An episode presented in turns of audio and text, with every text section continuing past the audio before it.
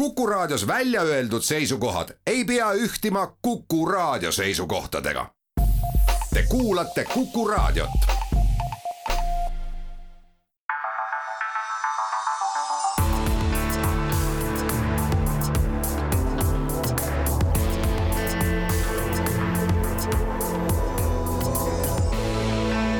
olukorrast ajakirjanduses tere pärastlõunat, meil on kahekümne kuues september, Kuku raadio stuudios on Rein Lang ja Väino Koorberg ja kõigepealt tahame me esineda erakordse teadaandega seoses sellega, et täna on selle sügise esimene saade. Ja need, kes on tegelikult tähelepanelikult jälginud nii rahvusvahelist olukorda kui ka siseriiklikku olukorda, need teavad, et et kuigi enamik inimesi on puude otsast õunad ära koristanud, on sinna siiski jäänud mõned õunad alles ja on õhus täiesti selge ja tõenäoline oht, et mõni nendest õuntest võib alla kukkuda ja kui keegi peaks olema sellel hetkel õunapuu all, siis lähtudes Newtoni Eh, tarkadest seadustest võib tagajärjeks olla kehavigastus. nii et me soovitame Eesti elanikel varuda kiivreid, valud, varuda kompressimaterjali ja hoida käepärast laaditud telefon, et saaks kutsuda meditsiinilist abi. Aga Rein, eh, millised on sinu esimesed elamused möödunud nädalast veel lisaks sellele? tulles tagasi meie uudistesaate formaadi juurde kolleeg siin eh, ilmselt ironiseeris peaministri avalduse üle vahetult enne Aktuaalset kaamerat peaministri avaldus, mis nagu kuulus rubriiki, et häda tuleb, häda tuleb, võtke valged voodilinad, eks ju, ja heitke haudadesse valmis. aga vaata, mina ei tajunud seda üldse mitte sellisena. ja noh, ütleme nii, et selle üle võib ju lõpmatuseni debateerida, et kas see vorm nüüd teha mingi avaldus vahetult enne Aktuaalset kaamerat, mida inimesed väga palju vaatavad, täitsa kindlasti sellel avaldusel oli väga suur mõju.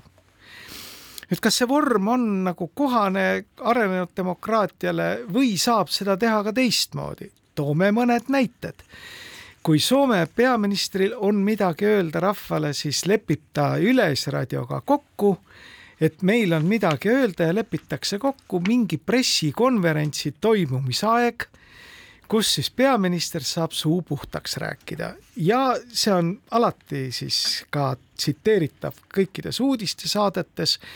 efekt täpselt samasugune nagu Eestis sellel eraldi avaldusel. kui Ameerika president soovib pöörduda rahva poole, mida inglise keeles öeldakse address the nation siis helistab Valge Maja kõikidesse suurtesse telenetwork idesse ja ütleb, et meil siin president soovib sellel kellaajal pöörduda rahva poole teleesinemisega. mitte keegi seda ei vaidlusta, kõik kannavad selle üle, president saab rääkida seda, mida ta tahab, kellelgi ei teki mingit mõtet, et nüüd peaks siis hakkama presidenti tümitama, et näed, et nüüd ta siin külvab paanikat või jah, eks keegi ütleb, et president räägib lolli juttu, eks ole, aga see on ka demokraatia. no aga meil on siis niimoodi, et ma mäletan küll, et kui ühe poliitiku abikaasa on väidetavalt diktofoniga salvestanud teise poliitiku ja tema omaenda abikaasa kõnelusi, siis selle peale läks president Aktuaalsesse kaamerasse ja ütles, et Eestis on demokraatiakriis.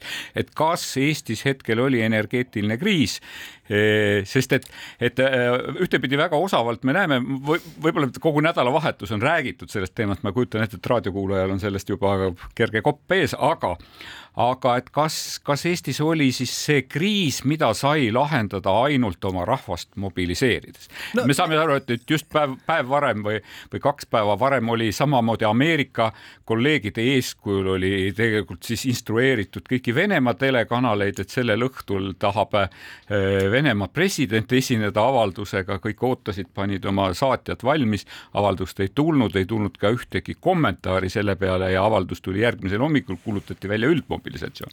Eestis, Eestis läks siis, Eestis läks peaminister äh, uudistesaatesse enam-vähem erakordse avaldusega, teatades, et äh, asju, mida me üldjuhul teadsime ja lisades siis sinna juttu ja et igaks juhuks tuleks valged linad ümber võtta. nojah, ilu on vaataja silmades. nüüd mina julgen kõigile meenutada, et mida siis ikkagi selles äh, peaministri avalduses käsitleti. Esimese punktina käsitleti seda, et meil on õppekogunemine, mis on ammu planeeritud kutset inimes-, kutsealustele reservväelastele välja saadetud ja see ei ole seotud naaberriigi mobilisatsiooniga, ehk siis me ei mobiliseeri enda kaitseväge. see oli ju esimene sõnum. Nüüd keegi taiplik kodanik kommunikatsiooniarmeest, eks ole, oli sinna juurde arvanud, et aga paneme sinna ühe punkti veel ja see on siis see võimalik häire elektrisüsteemi töös olukorras, mis meist ei sõltu. See on kes, see, kui venelased kes, kes kuskilt kangi alla kes tõmmata. otsustas selle punkti sinna siis lisada, sellepärast et mulle tundus, et, et kõik ülejäänud valitsuse liikmed kuidagi tundusid distantseeruvad sellest äh, otsusest.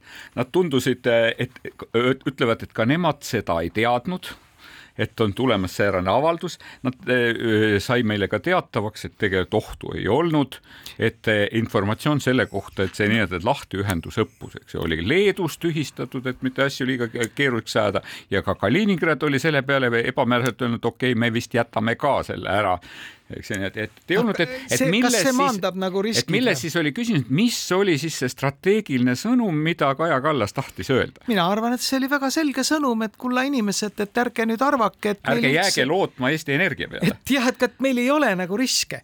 on palju riske. kuulge, head inimesed, et kõik ju saavad aru, eks ole, naaberriik kuulutas välja mobilisatsiooni, tunnistas, et ta peab sõda Ukrainaga see on meie naaberriik. ja nüüd arvata, et see riik ei ole võimeline mingiteks sigadusteks ka meie suunal, oleks minu meelest lihtsameelne. nüüd Eesti energiasüsteem, meil on räägitud seda viimased kolm aastat söögi alla ja söögi peale. inimesed, ärge kartke. Eesti varustuskindlus elektriga on sada protsenti härra Veskimägi on seda toonitanud Eesti Televisiooni saadetes, küll Esimene stuudio ja küll Aktuaalne kaamera, umbes kümme korda viimase paari aasta jooksul. ei ole vaja muretseda. siis tegelik pilt ei ole ju nii roosiline, kui ikkagi venelased võtavad pähe mõtteks ühel hetkel kang alla tõmmata. ehk siis see sünkroniseerimine enam ei ole ühtses süsteemis Venemaaga, siis see toob kaasa Eestis igasuguseid pingeid. kas neid pingeid suudetakse rahu, lahendada ilma elektrikatkestusteta, ei ole kindel. peale selle on ju see risk ka veel olemas, et venelased lasevad Narva veehoidla alla see ka ei sõltu meist, kang on nende käes. ei no Rein, aga ma kujutan ette, et kas peaministri roll on siis nagu selle peale öelda, et meie ümber on nii palju riske, kartke kõike inimesed sellepärast, et meie valitsuses ei suuda neid riske hallata. või on, või on tema ülesanne ikkagi sellisele valitsuse istungil öelda, öelda Taavi Veskimäele, kes on Äh, valmis Eesti Energia juhiks astuma, sest et seal ülesandeid palju pole, seal on pandud, äh, tuleb ellu viia visioon, täiendada strateegiat ning koos partnerite ja meeskonnaga saavutada tulemused, mis pakkuda tulevikku vaatavaid ja kliendikeskseid lahendusi.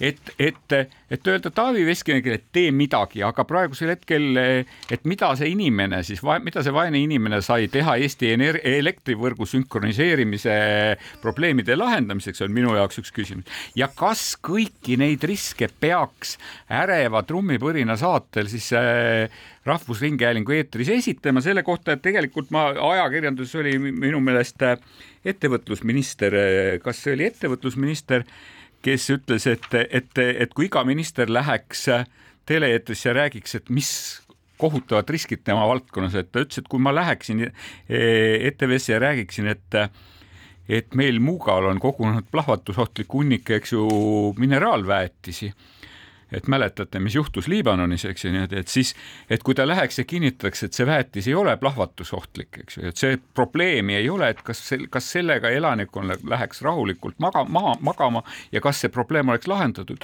või oleks ettevõtlusministri ülesanne, eks ju, lahendada seda probleemi ilma, et oodata, et inimesed, tulge kühvlid käes, veame ilma, selle koorma laiali. lahendame probleemi ilma tülika rahvata et minu meelest oleme me saavutanud nüüd viimase aastakümnete arenguga sellise olukorra, et riik tõmbab hommikul teki maha ja õhtul teki peale. ja kui tulevad need erakorralised olukorrad, ükskõik, see võib olla näiteks kuuekümne seitsmenda aasta tormile analoogne torm. hoidu jumal selle eest, aga kui see peaks juhtuma, siis on need Põhja-Eesti elektriliinid, mis on täna nende rannamändide vahel enamuses kõik siruli ja maas nende taastamine võtab aega tõenäoliselt nädalaid.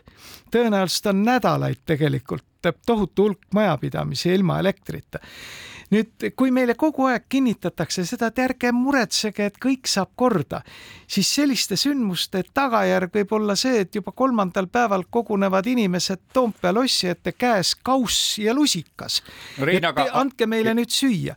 inimestel endal peab olema ka mingisugunegi kohustus oma asjade eest hoolitseda. arusaadav, Rein, ma sellepärast meelest juhtida ütelda, nendele kas... riskidele tähelepanu on igati õigustatud, et mitte öelda, see on valitsuse kohustus. kogu aeg naeratada ja öelda, et kõik on väga hästi, see kõik sarnaneb sellisele toredale õhust, mingisugune smurfide riik, eks ole kus siis kõik naeratavad, lõikavad läbi mingeid linte, ütlevad, et kõik on väga hästi ja nüüd peaaegu keegi ütleb, et oi-oi-oi, et noh, et siin meil vastupidi, et kapsas, mis me varusime talveks, on hapuks läinud, eks ole, ja ei kõlba enam süüa, siis kõik üksmeelselt hakkavad tümitama seda, kes seda ütles. selle kapsa koha peal me teeme väikese pausi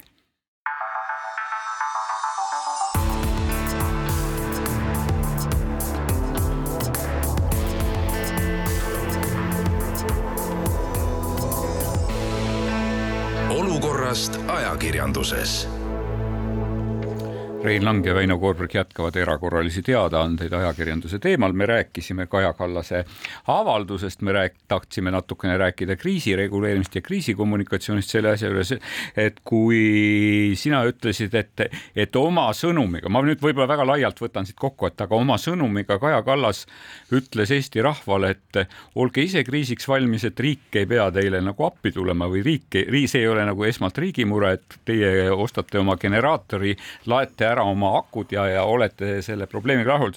et kas see on siis nagu see õige lahendus ühtepidi, sest et, et mulle endale tundub, et et seda rahu nagu ei tekkinud, et see sõnum, et Eesti ei ole valmis, et kui seda nagu inimestele ütelda, et siis sellest need, need, see Eesti võrgu valmisolek eraldumiseks ei parane, aga kui Kaja Kallas selle sõnumi pööraks ühtepidi valitsuse sisse ja valitsuse istungil võib-olla kohapeal olnud ka Eleringi esindajate ja Energialevi esindajate poole, et kas see sõnum ei jõuaks seal ühtepidi otsemini kohale, oli minu retooriline küsimus.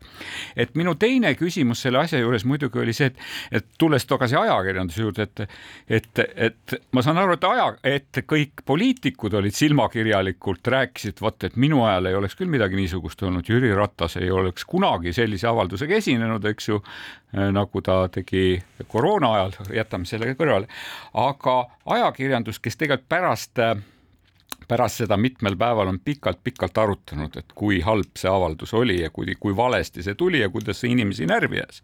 et inimesed olid närvis, seda ma nägin oma silmaga ja kuulsin oma kõrvaga, kui palju välja tõmmatud pistikuid kui palju muretsevaid inimesi sellel teemal, et kas minu transistor pärast kõike seda jama veel häält teeb, eks ju, see selleks, eks ju.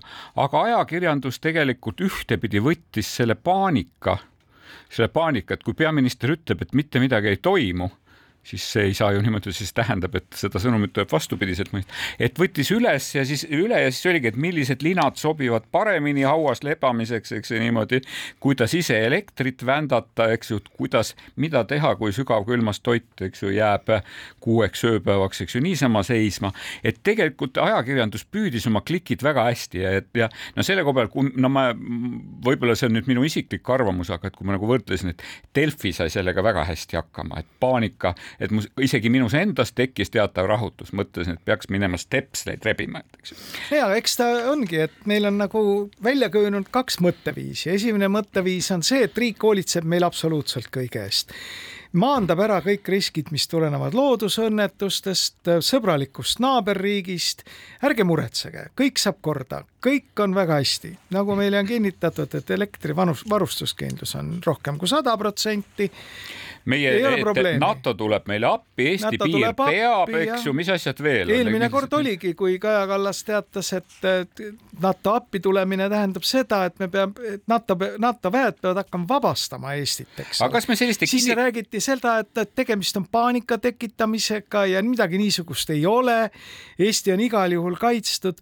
tõsi küll, tuli välja, et peaministril oli tol hetkel tuline õigus ja Madriidi tippkohtumisel kõikide nende asjadega ka arvestati.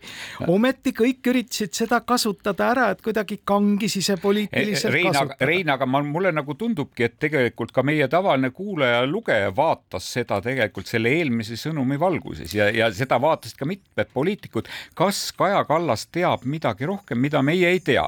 meie teame, et see lahtiühendamise katse on nagu tühistatud, et seda ei tule, eks ju, aga tuleb peaminister ja esineb mingisuguse avaldusega. ja kui inimene, tähendab, mina võtan, et seda Tõepähe Aktuaalse Kaamera materjali, mis intervjueeris ühe suure eh, tööriistu ja ehitustarbeid müüva kaupluse keti eh, esindajat, kelle käest küsiti et kuidas teil siis edeneb generaatorite müük, ta ütles, et ei, et me oleme müünud neid kordades rohkem, eks ole, kui äh, muidu terve suvega.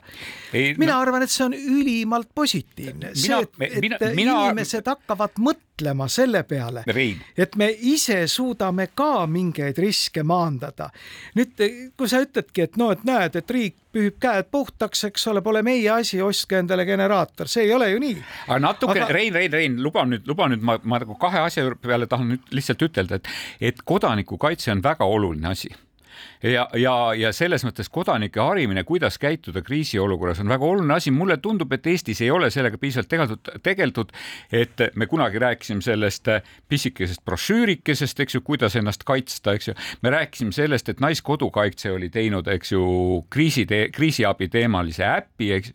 aga kui palju meil näiteks koolis õpetatakse seda, et kuidas iseennast kaitsta, kus on meie regulaarne telesaade no mis, mis kui... õpetaks inimesi, kuidas käituda, on, on, on, minu küsim-, on kui, minu kui, küsimus selle asja juures. kogu see diskursus ongi selline, et ärge muretsege, meie avalik võim hoolitseb kõige eest, et kui meteoriit tabab Tallinnat, siis astuvad meie Päästeamet, politsei, kodukaitse, Kaitseliit, kõik lahendavad kõik probleemid, eks ole.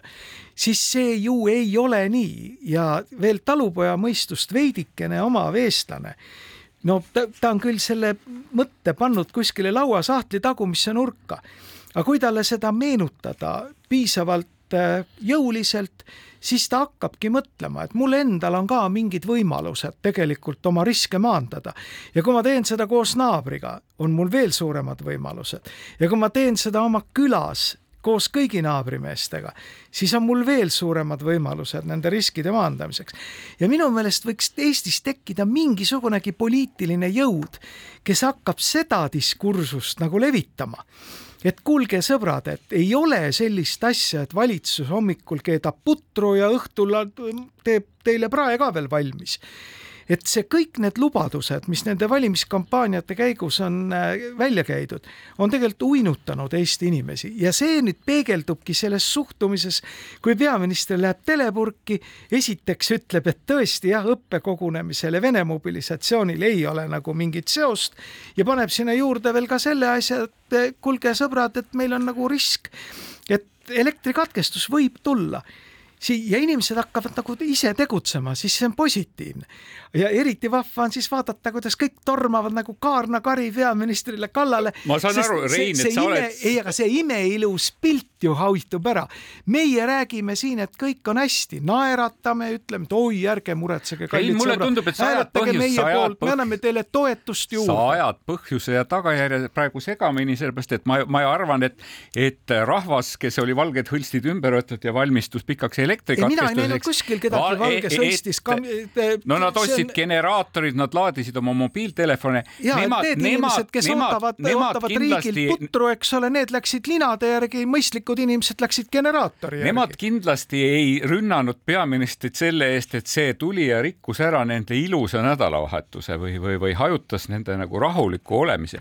küll aga ka, ka, ka kritiseeriti Kaja Kallast selle eest, et seda positiivset sõnumit või, või seda, seda sõnumit, mis tal öelda oli, ei olnud ja see, see toob mulle lihtsalt meelde selle, et kui sa, kui sa ütled, et, et kõik tahavad nagu rahustada, et, et mis mind häirib tavaliselt selle kriisiteadaannete juures on see, et, et iga kord, kui meil hakkab lund sadama, iga kord, kui meil hakkab tuul puhuma, niimoodi iga kord, kui meil väljas on libe eks ju, et, et, et siis tegelikult tulevad meil teated, mis hoiatavad meid üleujutuste eest.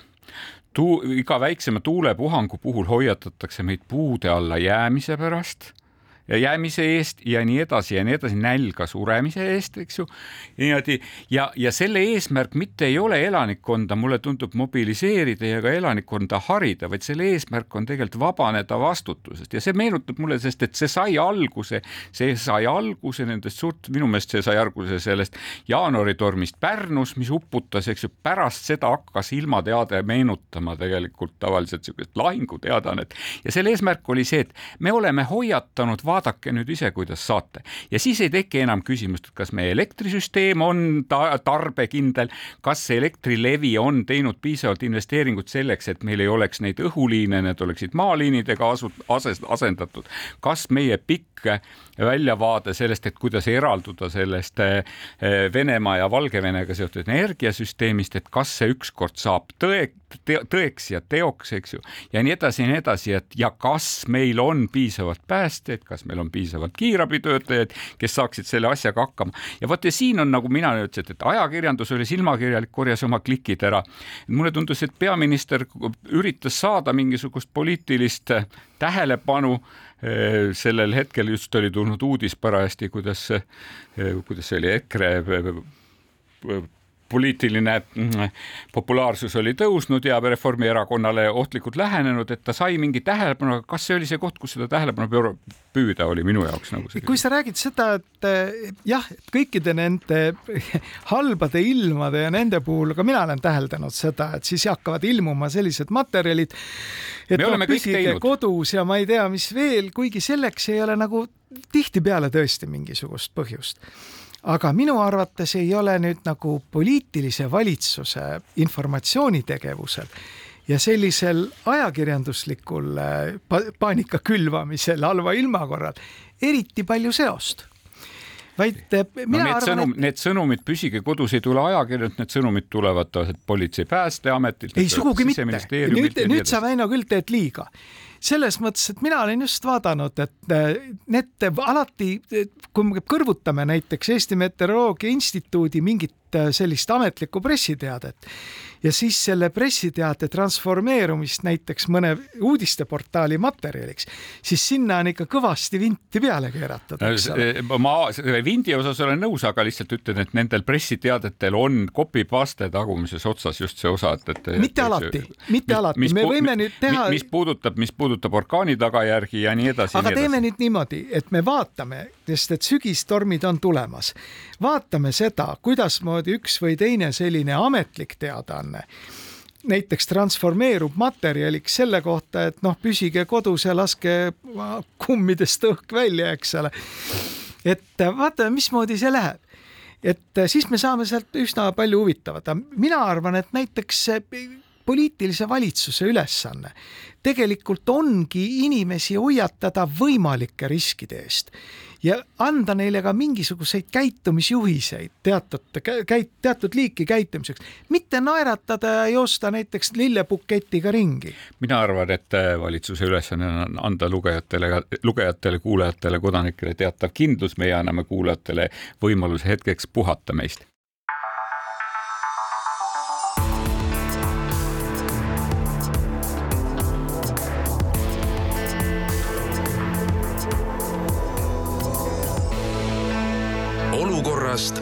ajakirjanduses.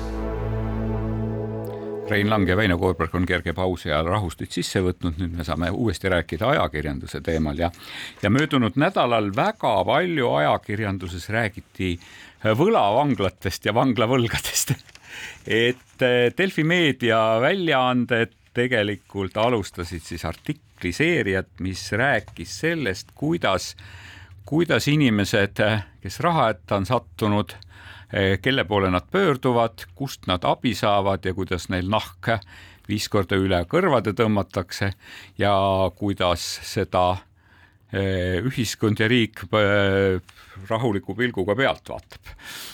nojah, et ma küll ei leidnud seda nii palju seda seekord seda etteheidet, et näete, kõik vaatame niisama pealt, kuidasmoodi meid tüssatakse. aga see on ülimalt vajalik teema, et see, mida nüüd Delfi meedia on tegemas, see on ajakirjanduslikus mõttes ülioluline ja au ja kiitus selle teema tõstatamise eest. kas sellest teemast ei tule kohe järgmine nagu, kas ei tule nagu valimiste üks teemasid, mulle, mulle väga tundus seda seeriat muidugi ühtepidi vaadates, et, et see oli see, et, et selle, selle taustal oli jälle see klassikaline lugu, et, et kodanik, kes sealt raskustesse sattunud, kohe ilmub välja keegi, kes ütleb, et me peame selle teemaga tõsiselt äh, tegelema, mulle tundus Keskerakonna poolt ma juba esimesi, esimesi nagu poliitilisi avaldusi kuulsin selles osas, et aga aga et mis siis, mis siis oli uut ja üllatavat? ei, selles ma ei kahtle küll nüüd hetkegi, et loomulikult tulevad välja poliitilised avaldused ja poliitilised geniaalsed ideed, kuidasmoodi inimesi võlgade eest kaitsta, eks ole, aga no see on ka demokraatia ja kõik need valud sellega seoses. aga see, mis tegelikult ju toimub, on see, et meil era, meil on turumajandusel baseeruv riik, igaüks võib oma teenuseid ja tooteid müüa. Teenuste hulka kuuluvad ka finantsteenused. nüüd, kui sa, sina oled Ameerikas ju palju käinud, eks ole, ja sa tead, et et osariigis kõige ilusam maja on Kapitoolium, selle kõrvalt järgmine kõige imposantsem maja on kohtumaja ja kõige suuremad administratiivhooned on reeglina kindlustusjärelevalve, finantsjärelevalve ja investeeringu eh, järelevalve ja selle loogika on nagu selles, et kui politseinik tänaval jalutab kumminuiaga, siis see on garant, et keegi ei tule ja ei röövi ära sinu rahakotti. aga kui keegi teeb seda pangas või läbi mingi investeerimispettuse, et ka selle üle peab olema see kumminuiaga politseinik, et kaitsta seda inimest, kes on mõnikord üsna kaitsetu nendes oma rahaasjades. no aga me oleme väga-väga-väga tihti rääkinud Eesti järelevalvest ja millegipärast oleme me iga kord lõpetanud selle, sellega, et see järelevalve on kuidagi, kas ta on hambutu, kas ta on pehme, kas ta on selgrotu või ta on, või ta on passiivne. No, vaata... me oleme rääkinud konkurentsijärelevalvest, räägime tarbijakaitsest, eks ju, tegelikult räägime ka finantsjärelevalvest ja, ja no selle loo puhul eh, oli ühtepidi, me rääkisime küll poliitikutest, kes tuleb avaldustega, aga selgus, et ka Finantsinspektsioon on teatanud, nad on alustanud, ometi alustanud uurimust, et, et need rikkumised, mida Delfi meedia ajakirjanikud on kirjeldanud, need on räiged ja küünilised, on nad öelnud. aga lugesin sealt, lugesin sealt tegelikult küll Finantsinspektsiooni mm, eh, juhi Kilvar Kessleri avaldust, ta ütles, et, et me oleme nendele kitsaskohtadele seitseteist aastat tähelepanu juhtinud et, et nüüd on vaja midagi nagu mingisse seaduse vormi valada. ja mul tuleb tõepoolest meelde, et, et kui oli eelmine nagu majandus-rahanduskriis, et kui see oli see aeg, et kui pangad hakkasid võlgnikke ühtepidi pitsitama, palgad said üht küll nad said eh, seal piimakarjafarmide omanikuks ja küll nad said, ma ei tea, mis, milliste tsehhide omanikuks ja kui nad ühtäkki hakkasid ka toredaid, armsaid Eesti väikeste lastega perekondi kodudest välja tõstma ja neid maju eh, enampakkumistel maha müüma, et see pankadele ühtepidi nagu ei meeldinud, et, et, et mis meil muidugi üle jääb, aga noh, see oli see aeg, et kus siis tuldi meediasse ja, ja räägiti, kui raske südamega nad seda teevad, et, et, et, et, et kas, kas see selle, kas selle artiklisarja nagu tulemuseks ei saa see olla, et, et järgmisel hetkel meil ajakirjandus saab laenuhaide raskest elust no eks me näen, et eh, loomulikult siin käivituvad igasugused avalike suhete eh, korraldamise firmad. aga, aga noh, see on seesama, et tellitakse tööd, eks ole. kui selgub, et Riigikohtule on üllatus, et, et see, kuidas kohtud äh, neid võlgnikke käsitavad, et, et see on väga seinast seina ja, ja sellel ei ole mingit ühtset, ühtset eh, liini, et kui me vaatame, et oksjonil müüakse seda vara, eks ju, et kasutades tegelikult täiesti selgelt, mulle tundub nagu kui mitte ebaseaduslikke, siis vähemalt ebaeetilisi skeeme eks ju, ja see on see koht, et kus ei ole kusagil, ei ole meil ei seda nuiaga politseinikku ega järelevalveametnikku olemas, eks ju, ja mulle ikkagi tundub, et Finantsinspektsioon on väga lahke pilguga vaadanud ka seda, kuidas see nii kiirlaenuäri on Eestis arenenud, eks ju niimoodi, kuidas reklaamitakse hoiulaenuühisusi ja nii edasi ja nii edasi. no vot, aga siin ongi nüüd neid, sa juba tõid sisse siin äh, termini, et et Finantsinspektsioon, näed, ei tee oma tööd, see pole üldse Finantsinspektsiooni asi tegelikult. aga miks ei ole, kuidas see ei ole, et kas? et vaata, kui mina laenan sinult, Väino Koorbergilt raha ja annan sulle paberi, et see on tagatud minu nende ja nende varadega. ja siis ühel hetkel selgub, et ma ei jaksa tagasi maksta, eks ole ja siis sa paned selle paberi käiku väga drakooniliste meetoditega, et see ei ole kellegi. Ei riigi Tarbijakaitseameti ega, ega Finantsinspektsiooni ja kellegi ma asi. ei ole selles, ma ei ole selles päris kindel. no mina olen ma, küll kindel, sest et me nii... elame juhuslikult vabas ühiskonnas, mitte mingisuguses järelevalves, kus hommikul sa pead minema politseijaoskonda ja teatama, kellele sa raha laenad aga, aga meil hakkavad kujunema mingisugused sullerid, eks ole, kes tegelikult varjavad oma seda ütleme, laenuäri mingisuguste muude äride taha, inimesed on väga kreatiivsed ja nüüd sellest hiljem tekivadki kõikvõimalikud sellised anomaaliad, kus ongi tagatud inimeste kodudega mingisuguseid finantssuhteid no,, mis ma, ei pea nii olema. seda küll, aga mulle siiski tundub, et me ei räägi praegu sellest, et mina viimases hädas pöördun Rein Langi poole ütlen, Rein, laena mulle kümme eurot, eks ju. et kui inimene pöördub laenukontorisse või, või, või, või, või, või mõnesse analoogilisse asutusse, et selle asutuse tegevuse üle peaks ikkagi järelevalve minema nii Finantsinspektsioon kui ka no, tarbijakaitse tehnilise järelevalve, ma ei, ma ei ole ei päris saa. kindel selles, et see no, ei kuulu järele. finantsinspektsioon ei pea valvama kõikvõimalikke laenukontoreid see ei ole üldse tema ülesanne. aga siis on nagu küsimus, minu küsimus on nüüd Kaja Kallasele, kas Kaja Kallas tuleb täna õhtul, kui ta siiamaani ju ei ole tulnud, kas ta tuleb Aktuaalsesse kaamerasse, ütleb, et, et meil on olemas riskid ja need riskid võivad teoks saada, inimesed, kui te võtate laenu, siis te võite jätta oma kodust ilma ja see on palju tõenäolisem, kui et Kaliningradi eh, energiavõrgu äralõikamisega teil tuled kustu lähevad. no kui sa paned nüüd ühte patta meie energiavarustuskindluse ja näiteks söögiseente äratundmise, siis on, minu meelest on ka meil probleem, eks ole. aga nüüd ütleme, see finantskirjaoskus, et noh, et mida ma siis võin teha kuskile alla kirjutades ja mille, mida, kuidas ma pean need dokumendid läbi lugema, enne kui ma kuskile alla kirjutan see on tegelikult see teadmine, oskused Eesti ühiskonnas on väga nõrgad ja see tekitab neid kõikvõimalikke sullereid.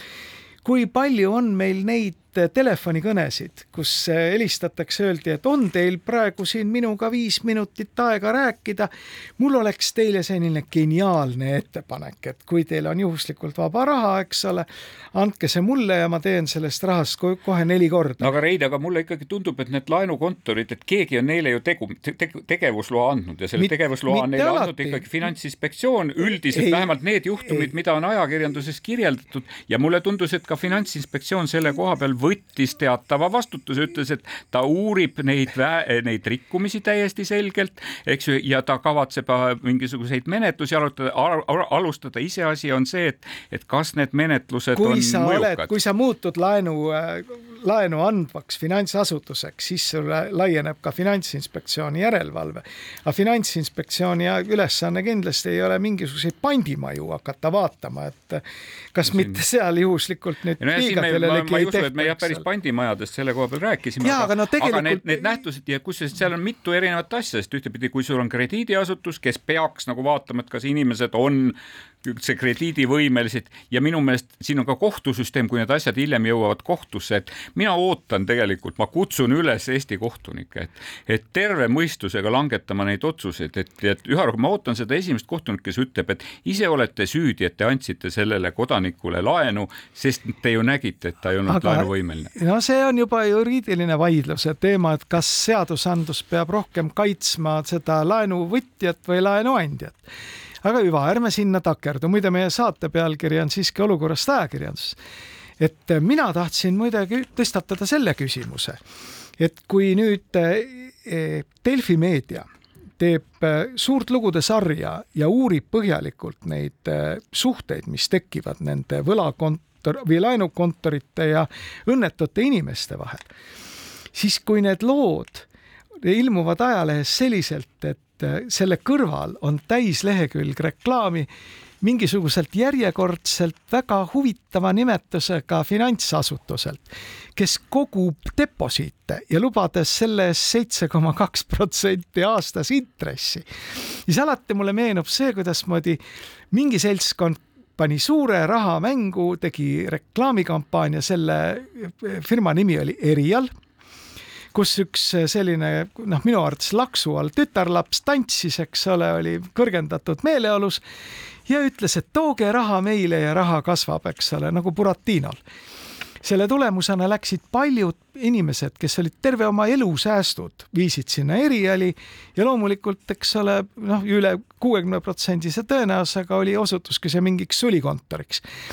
me vaatame neid reklaame praegu, mis ilmuvad Eesti lehtedes, seal on neid kõikvõimalikke omapäraseid äh, finantsinstitutsioone, kes ütlevad, et nemad on ausad, ilusad ja toredad. mõned näiteks korraldavad lauluväljakul oma kundedele pidusid.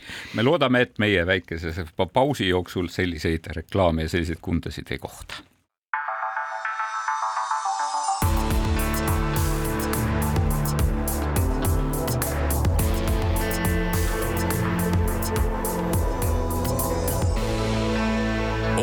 olukorrast ajakirjanduses.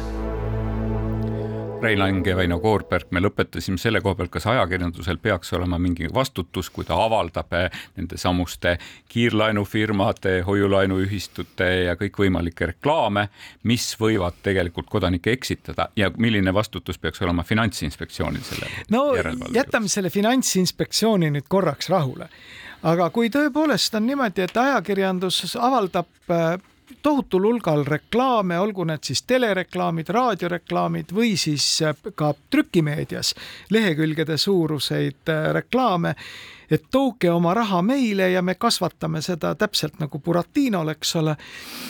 ja siis ajakirjandus vaikib tegelikult nendest firmadest sest et eh, kas siis sellel põhjusel, et mitte seada ohtu oma rahavoogu sealt äh, nendelt firmadelt, kes siis niisuguseid ulmelisi. Rein, nagu me nägime, ajakirjandus kirjutas kak-, kaksikkülgede ja nelikkülgede kaupa lugusid praegu nendest. ei, aga mina meenutan seda, et Eriali puhul jooksid need reklaamikampaaniad Eesti ajakirjanduses veel siis, kui teadjameestel oli ammu selge, et see asi ei ole seal puhas.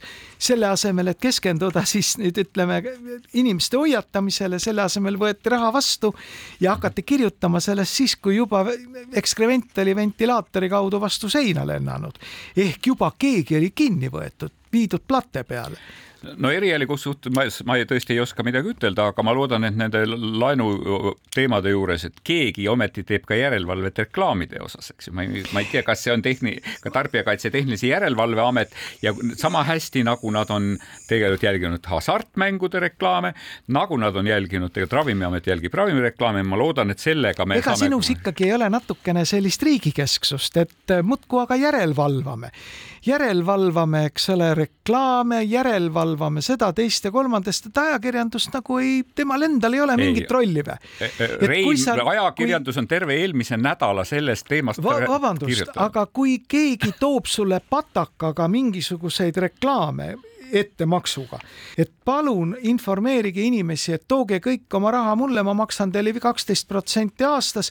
kas see ei tekita mõnes uurivas ajakirjanikus äkki sellist võbelust, et kuule, vaatame natukene lähemalt, kes on omanikud, mis see värk on, kus see äriplaan on, mis see kapitalisatsioon on, eks ole, see on vist ka ajakirjanduse ülesanne. nii, olen sinuga nõus, Rein me tegelikult rääkisime päris mitmetest lugudest, mida me möödunud nädalast panime tähele, et ühed olid lood kuulusid kategooriasse, et mis oleksid võinud jääda ilmumata, aga, aga oli märkimisväärne, me tahtsime eelmine, eelmine nädal rääkida sellest Vene kütuse teemalistest lugudest ja tegelikult Eesti Päevalehes äh, ilmuski tegelikult möödunud nädalal küllaltki paljusõnaline vabandus sellel teemal, et, et Eesti Päevaleht oli e, mitu ettevõtet seoses selle teemaga ka ebaõiglaselt eh, ajakirjanduse fookusesse toonud, ma ei tea, ma ei julge konkreetselt öelda selle sinu eriali näite puhul, aga, aga jutt oli Tallinkist, et kas Tallinki laevad sõidavad Venemaalt pärit kütusega ja kas see kütus on ostetud siis nagu enne või pärast sõja algust, eks ju, et siis nüüd selles osas on tulnud eh, päris pikalt selgitusi eh, loo autorilt ka Eesti no, Päevalehes. ütleme nii, et lohakas töö paljusõnaline vabandus, eks ole. teisipidi ütlen ma jälle, et ajakirjandus, kes suudab oma vigu tunnistada, on tugev ajakirjandus. teisipidi oli, ma sain aru, et kerge virvendus tuli ka, tuli meil ka sellel teemal, kui Postimees äh, kirjutas äh, kuulujuttudest selle kohta, kuidas Hiina, Hiina esimees Xi on äkki äh, koduaresti pandud, et India sotsiaalmeedia väidetel olla sellised kuulujutud liikvel olnud, et mis tegelikult mingil määral pälvis ka ajakirjanduse tähelepanu, oli teatavaid, teatavaid teatavaid väljaandeid, kes sellest korraks kirjutasid. et aga no oli küllaltki silmatorkav, et et väga pikalt Postimees nagu, kes tegelikult rõhus ainult kuulujuttudele hoidis seda lugu oma, oma avaküljel olemas, et õhtuks, selle päeva õhtuks ilmus küll lugu, et pealkiri, et levivad kuulujutud, et Hiina president on pandud koduaresti, oli kell kümme kakskümmend kaheksa asendatud pealkirjaga kuulujutud Hiina presidendi koduarestist pole kinnitust leidnud. et siin on nüüd kaks, kaks küsimust, et ühtepidi, et mida teha siis, kui informatsiooni ei ole saadaval, et see oli see hetk, et kus, kus tavaliselt, et kas Venemaa või see Nõukogude Liidu kompartei peasekretär peasekretär on surnud või mitte, seda, seda Ameerika lehtede korrespondendid vaatasid, kas öösel Kremli akendest tuled põlevad või ei põle, et kas on midagi erakorralist, et täpselt samamoodi loetakse ju märke selle kohta, et kas Putin sõitis korteesiga õhtul Kremlisse või mitte. E, e, suur osa börsimaakleritest vaatab huulepulga indeksit, eks ju, tähendab sukkpükste ja miniseelikute pikkust, eks ju, niimoodi selle asja juures, et, et kas see on okei okay,, et ajakirjandus informatsiooni puududes peab, peab vähesestki kinni haarama? No hoida nüüd võib üldse riputada üles mingit teate riigipöördest Pekingis ja hoida seda seal üleval, näitab lihtsalt ajude puudumist ja, ja mitte midagi muud. kas see oli ajude puudus või see, võib-olla oli see mingi strateegiline värga, välgatus siiski? ei, ma ei usu, et algselt minule tundus keegi, ka, et keegi kui... oli selle kusagile nagu postitanud selleks, et, et maailmas tekiks no, vaata, kerge võbelus. minule, see võib olla, et jah, et see pärineb mingist Vene trollivabrikust, et ärme kunagi unusta, et naaberriik on nüüd ikkagi sisuliselt sõjaseisukorras ja ja küll seal leidub piisavalt neid, kellel mingi oma asi on ajada. levivad Aga... kuulujutud, et seesamune kolmas maailmasõda, et selle osalised on Ameerika Ühendriigid, Hiina ja Venemaa, eks. aga nüüd ütleme selle Hiina riigipöördega, sest mulle alati meenus see, aasta oli vist seitsekümmend kaheksa kui Pelsoni ühiselamus öösel kell kolm levis kuulujutt, et Brežnev on surnud. Kuna üks tulevane ajakirjanik oli kuulanud Itaalia raadiot kuna ta samal hetkel õppis itaalia keelt vaikselt. Ja seal oli kaks sõnapaari olnud, et Brežnev morte ja siis lugupeetu läks, informeeris sellest naabertuba, ütles, et just praegu ma kuulsin Itaalia raadiost, et Brežnev on surnud, mille peale kõik tudengid panid raha kokku ja ostsid oma viimase raha eest taksopargist viina. ja kui järgmisel hommikul Brežnev andis aukirja, aukirja või siis ordeni kellelegi, siis kõik olid õigustatult pahased.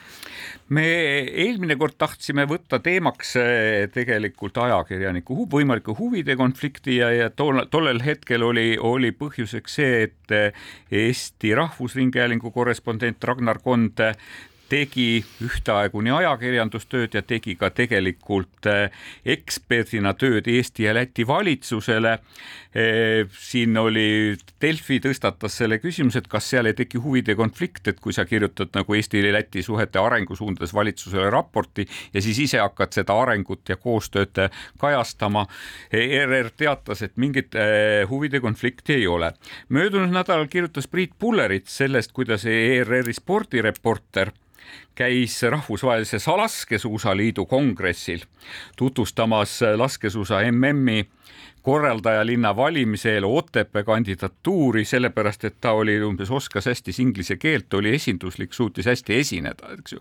ja siin tekkis samamoodi küsimus, et kas nagu äh, rahvusringhäälingu ajakirjanik, kes peab kajastama ühel hetkel seda, et kas Otepää sobib või, või selle võistluse korraldajaks, eks ju niimoodi, ja kuidas Otepää seda teed, teeb, et kas tal ei teki huvide konflikti, et kui ta ühtaegu esindab nii Otepääd, esindab riiki ja esindab ka ajakirjandust, eks ju, ja jälle me kuulsime seda Rahvusringhäälingu poolt, et selles ei ole mingit küsimust. meie reklaami ei tee, sest see on keelatud. meie reklaami ei tee, et selles on küsimus, et, et, et, et, et kuhu see piir siis ühel hetkel selle huvide konflikti osast tõmmata, et, et, et on ju räägitud ka sellest, et Rahvusringhäälingu kuulsad eetrinäod ja need on ka uudiste ja publitsistikasaadete eetrinäod käivad aeg-ajalt tegemas ikkagi eh, igasuguseid eh, üritusi, valimiskampaaniaid, Euroopa päevi, ma ei tea, juustuesitlusi ja nii edasi ja nii edasi, eks ju, et me näeme Rahvusringhäälingu ajakirjanikke seal, et kus nad peaksid selle,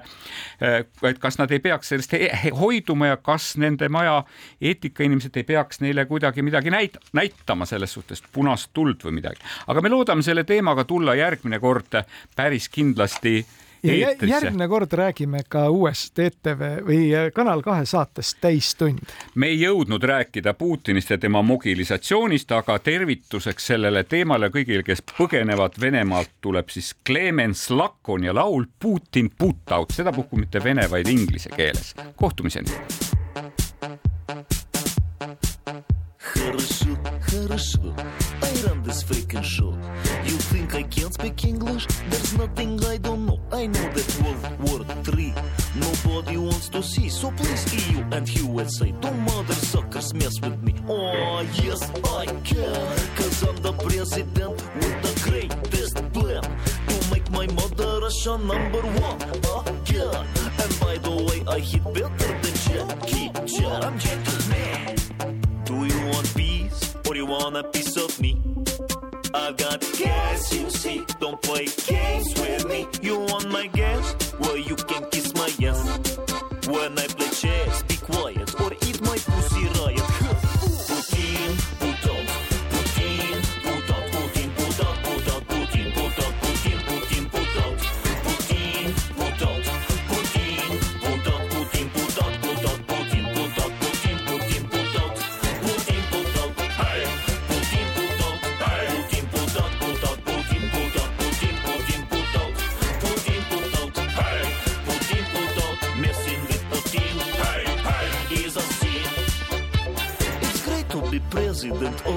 biggest country. You can have Winter Olympic Games in